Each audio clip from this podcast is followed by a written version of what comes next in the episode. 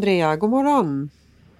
God morgon Maria! Ansvarig för avsnittet idag är du. Ja!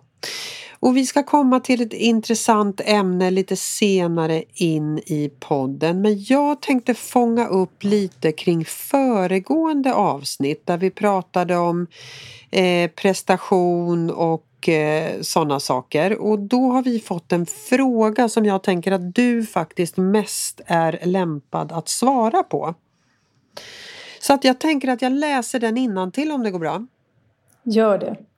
Då har vi fått en fråga från en lyssnare som skriver Personer som känner att de måste trycka ner andra för att själva se bra ut och känna sig lyckade.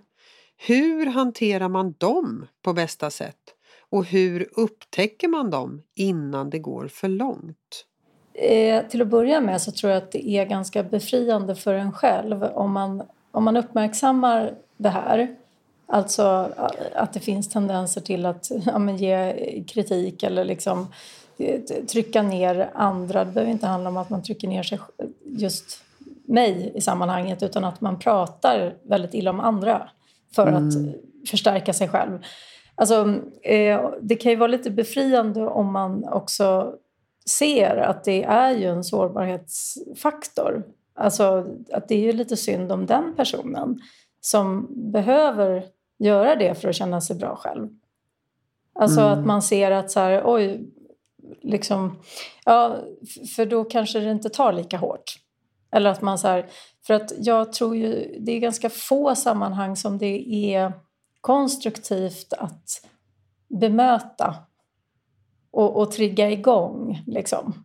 Just det. jag menar? Mm. Vi kan ju mm. sällan förändra kanske hur en annan förhåller sig. Sen så vill man väl kanske stå upp för sig själv om det handlar om en arbetsplats. Att man nedvärderar andra så vill man inte ingå kanske i ett skitsnack till exempel. Eh, och jag, jag, tror att det är viktigt att man när man uppmärksammar att man går till sig själv. Så här, äh, vad, vad är det egentligen? Vad, vad är det som växer hos mig här? Alltså, Handlar det om äh, värderingar? Handlar det om att jag blir ledsen själv? Att man själv får kritik eller att jag blir förbannad? Att man, men att man så här, äh, validerar sig själv och sätter ord på vad det är som känns hos sig själv. Mm, mm. Och att man, för då blir det ofta lättare att eh, kommunicera mer konstruktivt. Istället för att man, alltså, istället för att man till exempel bara blir undvikande och tar skit. alltså så, här, så, så, så, om man känner sig förbannad eller blir irriterad så kan man ju bli ganska så här, man kan ju ställa följdfrågor och bara säga ah, intressant, hur menar du då? Alltså så här, för att så här, få tid på sig att landa i vad man känner själv. Mm. Men det här ställer ju ganska höga krav på en själv. Det här är ju lite jobb man behöver göra själv, eller hur? Om jag förstår dig rätt. Ja, fast det blir ännu jobbigare om du inte gör det. Om, ja, egentligen. Mm. Alltså om det är till exempel på en arbetsplats och är återkommande. Så, så jag menar inte heller att man alltid ska konfrontera och stå upp för sig själv rent kommunikativt säga vad man tycker. Utan att stå upp för sig själv handlar ju om att inför sig själv stå upp för sig själv. Mm. Alltså så här, jag tycker inte så här. Och jag blir fan irriterad när man liksom pratar så här. Alltså så här, det är att stå upp för sig själv inför sig själv. Mm. Utan att behöva bemöta. Ja, men hoppas att det var, var lite svar på, på frågan. Mm, det är också att jobba med sin egen självmedkänsla. Mm.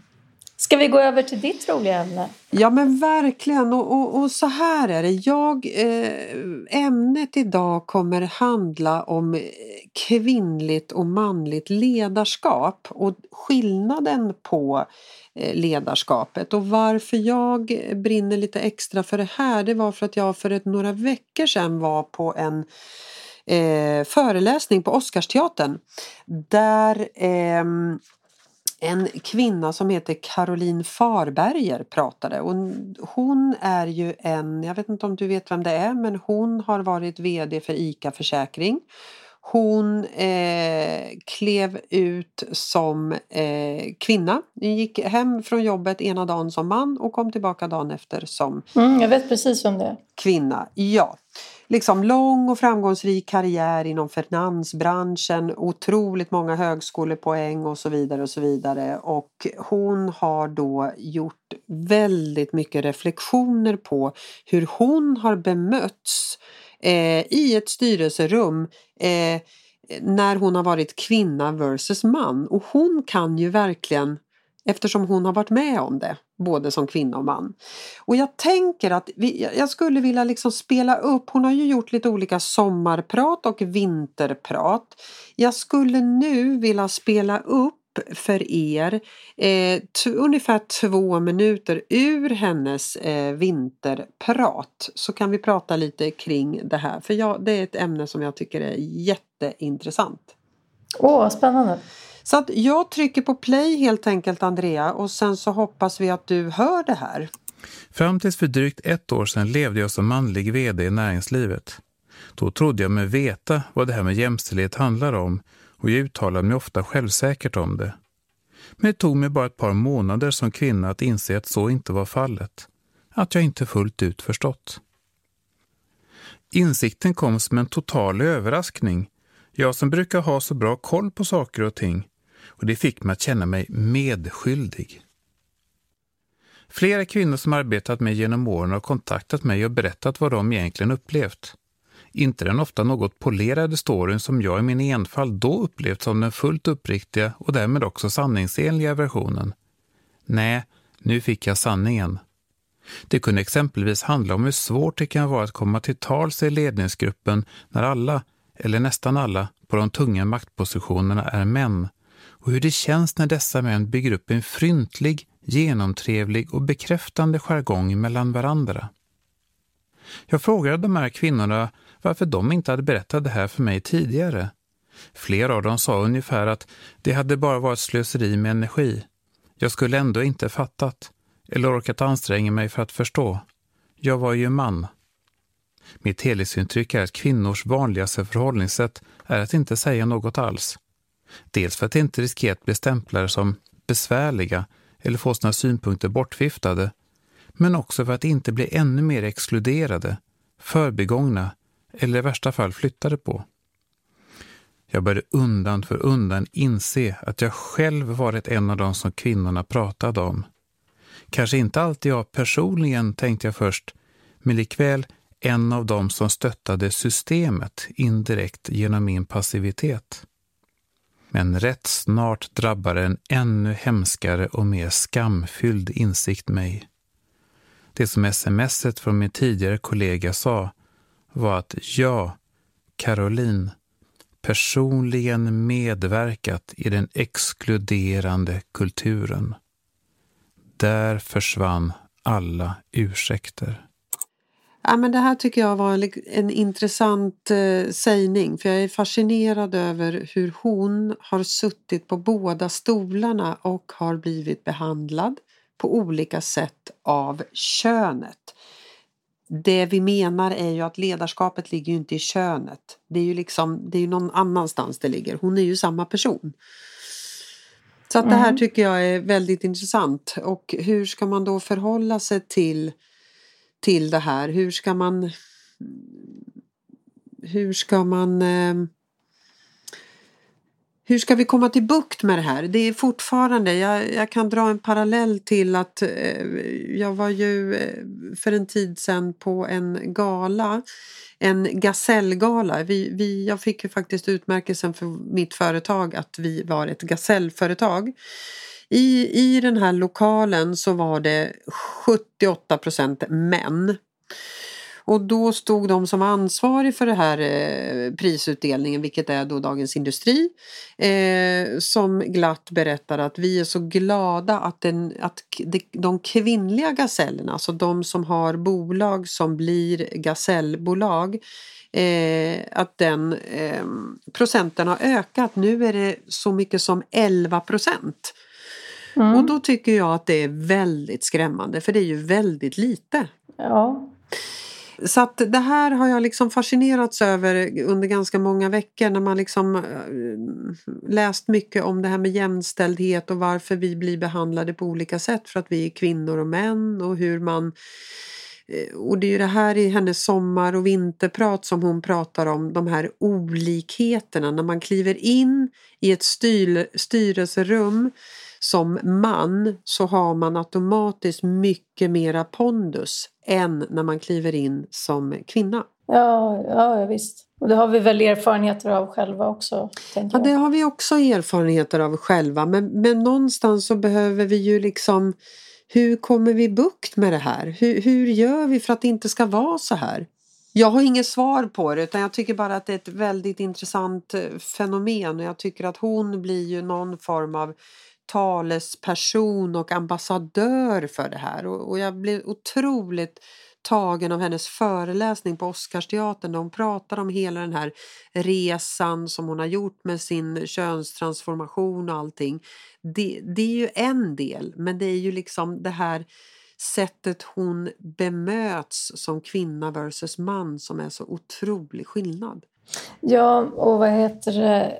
Någonting som jag tycker inte berörs så mycket när man pratar om de här frågorna. Det tycker jag är de biologiska skillnaderna som jag tror påverkar ganska mycket hur, alltså responsen om det är en man eller kvinna mm. som, som kliver in som du sa i ett styrelserum mm. till exempel. Eller, så, så är det ju så att, att det faktum att män har en hel del mer testosteron mm. än vad kvinnor har. Här, som också driver mycket lättare liksom, aggressivitet. Alltså det här att, att, att det är ju mer skrämmande. Mm.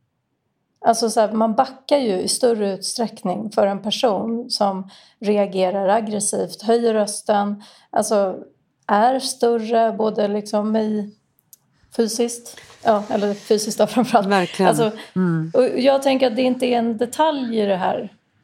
Utan ganska viktigt när det kommer till hur vår hjärna reagerar i form av när det kommer till överlevnad. Mm. Alltså... Verkligen. Men jag tyckte också att det var intressant för då så säger hon så här att när en man i det här styrelserummet eh, eh, säger en sak på ett sätt då ser eh, styrelsen på honom som vilken pondus han har, vilken auktoritet han har. Han pekar med handen, vi vet vart vi ska och så vidare. Om en kvinna uttrycker sig precis på samma sätt då blir det rundgång i kafferummet sen för då börjar man undra om hon har PMS eller vad hon fick för utspel. Det här pratade hon väldigt mycket om. Just samma situation men det kommer från en man versus en kvinna. Att hon, blir kallad både det ena och det andra. Eh, att hon har PMS och lider av eh, känslostörningar för att hon... Eh, Neurotisk? Ja. Medan mannen då upplevs som det är bra, han är en ledare, han är en tydlig ledare, han visar vad vi ska, han har pondus. Det där pratar hon väldigt mycket om. Hur kan detta skilja? hur kan vi ha den synen liksom, som vi har? Ja, men alltså, och jag menar att det är ganska primitivt hur vi reagerar på att män är tydliga och att en kvinna är tydlig. Mm. Alltså det är ganska primitivt utifrån att vi blir skrämda. Ja, vi blir rädda. Vi liksom... På, av en man och det blir vi inte av en, av en kvinna i samma utsträckning.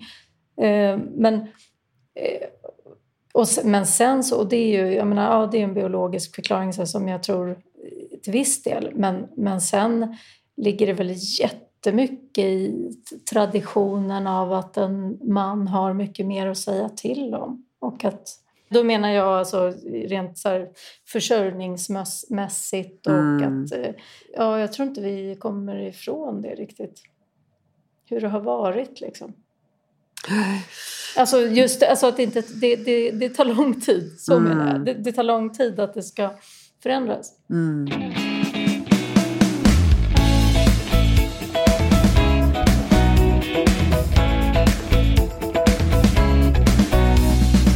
Nej, men jag, jag kan fascineras av det. Jag kan fascineras av det. Att, eh, att skillnaden är så stor och det som det som hon pratade om var ju också så här att hon tycker att när hon var man och, och, drev den här ledningsgruppen då, då var hon inkluderande, hon var liksom dömde ingen och så vidare. och så vidare. När hon sen blev kvinna så fick hon ett, ett eh, sms som hon då berättar i det här sommarpratet. Eh, då fick hon ett sms av en kvinnlig eh, Ehm, person i ledningsgruppen som sa att eh, vet du, du var inte alls inkluderande. Du, det var du som gjorde så här och så här så att vi kvinnor kände oss och så vidare. Och, så mm, vidare. Mm, mm. och då har hon gått och trott att nej men jag är, vi jobbar ju med inkludering och vi är si och så och så här, men, men i själva verket är det inte riktigt så. Man har inte riktigt men, självbilden där.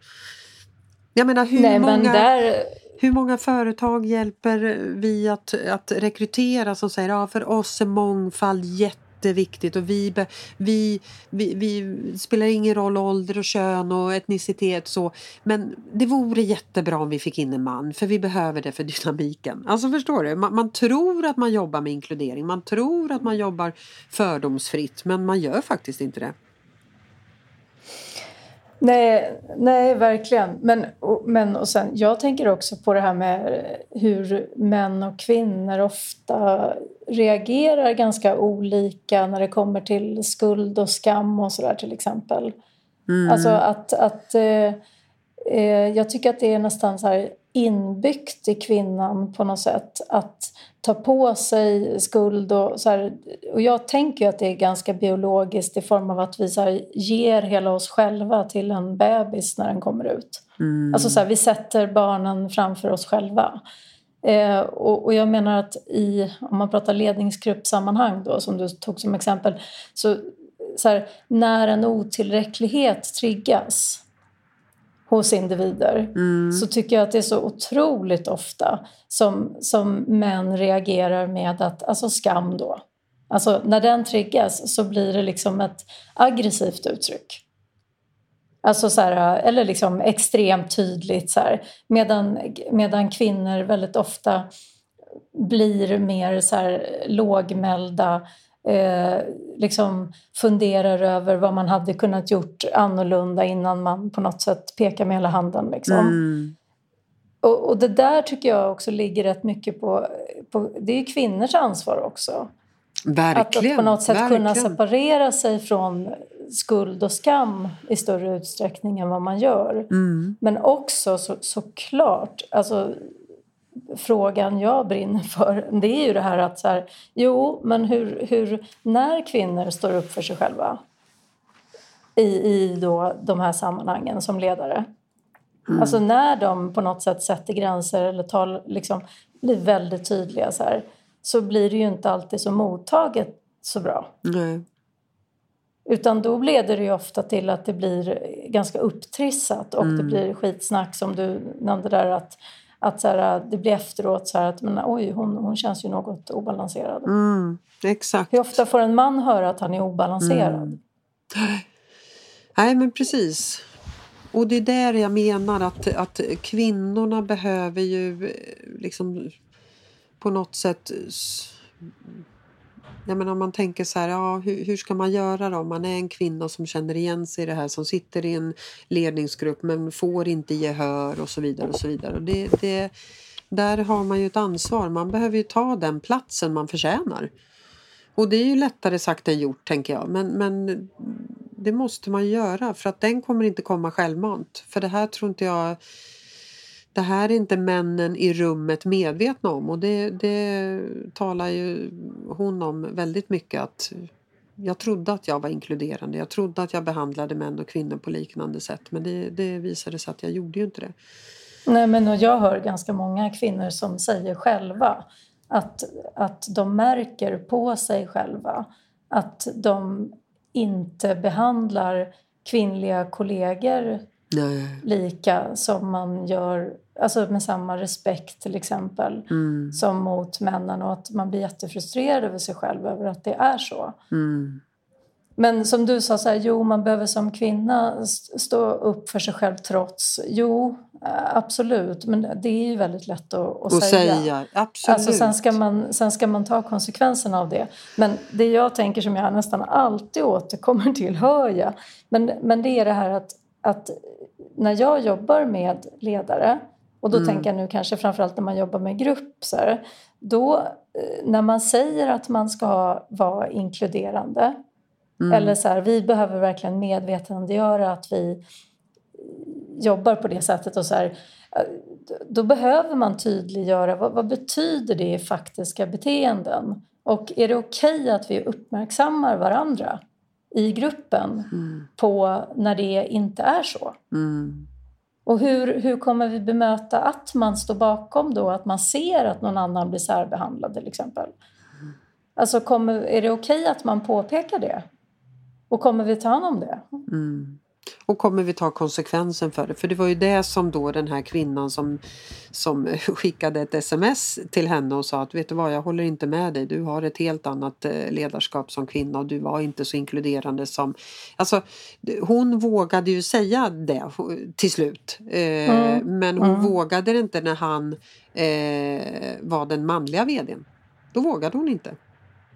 Så att det är ju det här Nej. som är Eh, det, det, krävs ju mycket liksom av en själv att man ska våga stå upp för sig själv och liksom eh, och det här är ju inte lätta grejer. Jag, jag träffar ju jättemånga eh, personer eh, både kvinnor och män där, där jag märker en så tydlig skillnad i liksom självförtroendet och pondusen och eh, där jag verkligen så vill stå upp för de här kvinnorna och försöka ta plats och ni behöver inte ursäkta er på en intervju för att ni inte kan det här och det här. För det gör ju inte en man ursäktar sig inte för att han inte har de här kvalifikationerna utan han går rakt på pinn vad, vad han kan och vad han kan bidra med.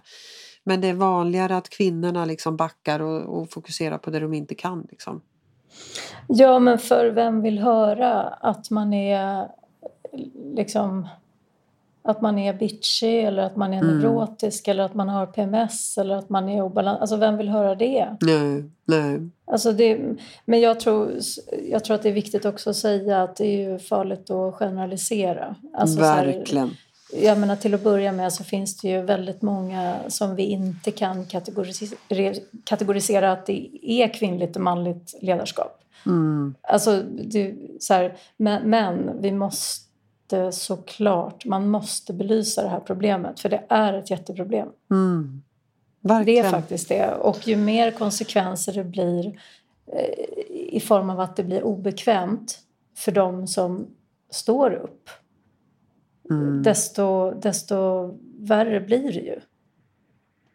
Alltså, eller då, då går det ju inte åt rätt riktning direkt. Nej, fattar, fattar. Så att, ja. Nej men vi har ett jobb att göra och det är liksom, jag tänker också ju mer vi pratar om det och ju mer vi synliggör de här sakerna desto bättre blir det för då kommer vi förhoppningsvis framåt när vi i alla fall har kommit eh, hit 2022 att vi ändå pratar om det och det uppmärksammas och det och jag menar hon, Caroline Farberger är ju verkligen en eh, ambassadör för det här och hon är ute och föreläser om det här och pratar om det och framförallt det här liksom i näringslivet där det är så eh, segregerat. Mm. Mm. Så att jag tror som eh, med mycket annat att ju mer man pratar om det, ju mer så att det kommer upp till ytan så har vi i alla fall en, en väg framåt. Men, men jag tror också man behöver ta personligt ansvar i det som med allt annat, vilket inte är så himla lätt. Men eh, det är liksom vägen framåt. Ja, verkligen.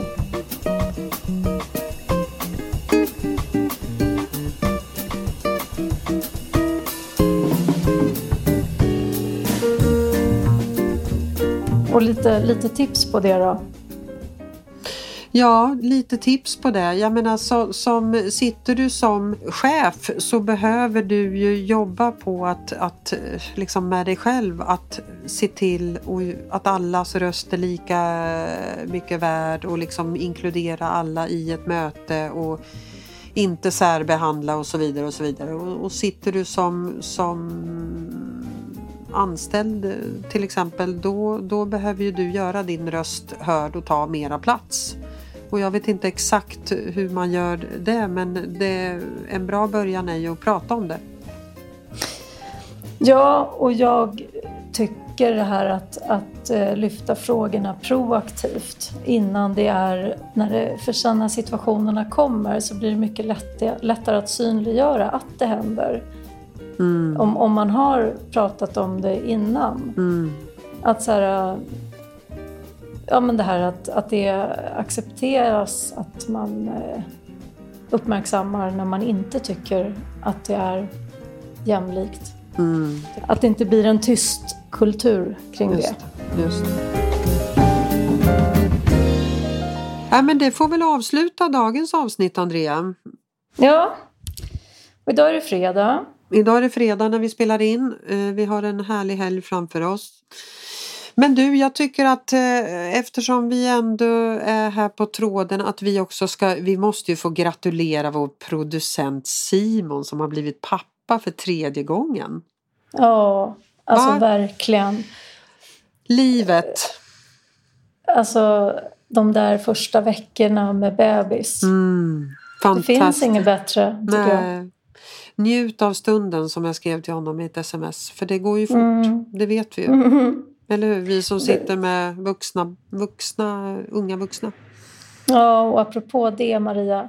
Mm. Jag, eh, vilken separationsångest jag får när min snart 24-åring ska ut i världen igen. Oh. Och lämnar på lördag. Hon gör ju sådana långresor och är borta liksom ganska länge. Vad är länge? Hur länge är hon borta? Nej men alltså hon brukar vara borta ett halvår och sådär. Mm.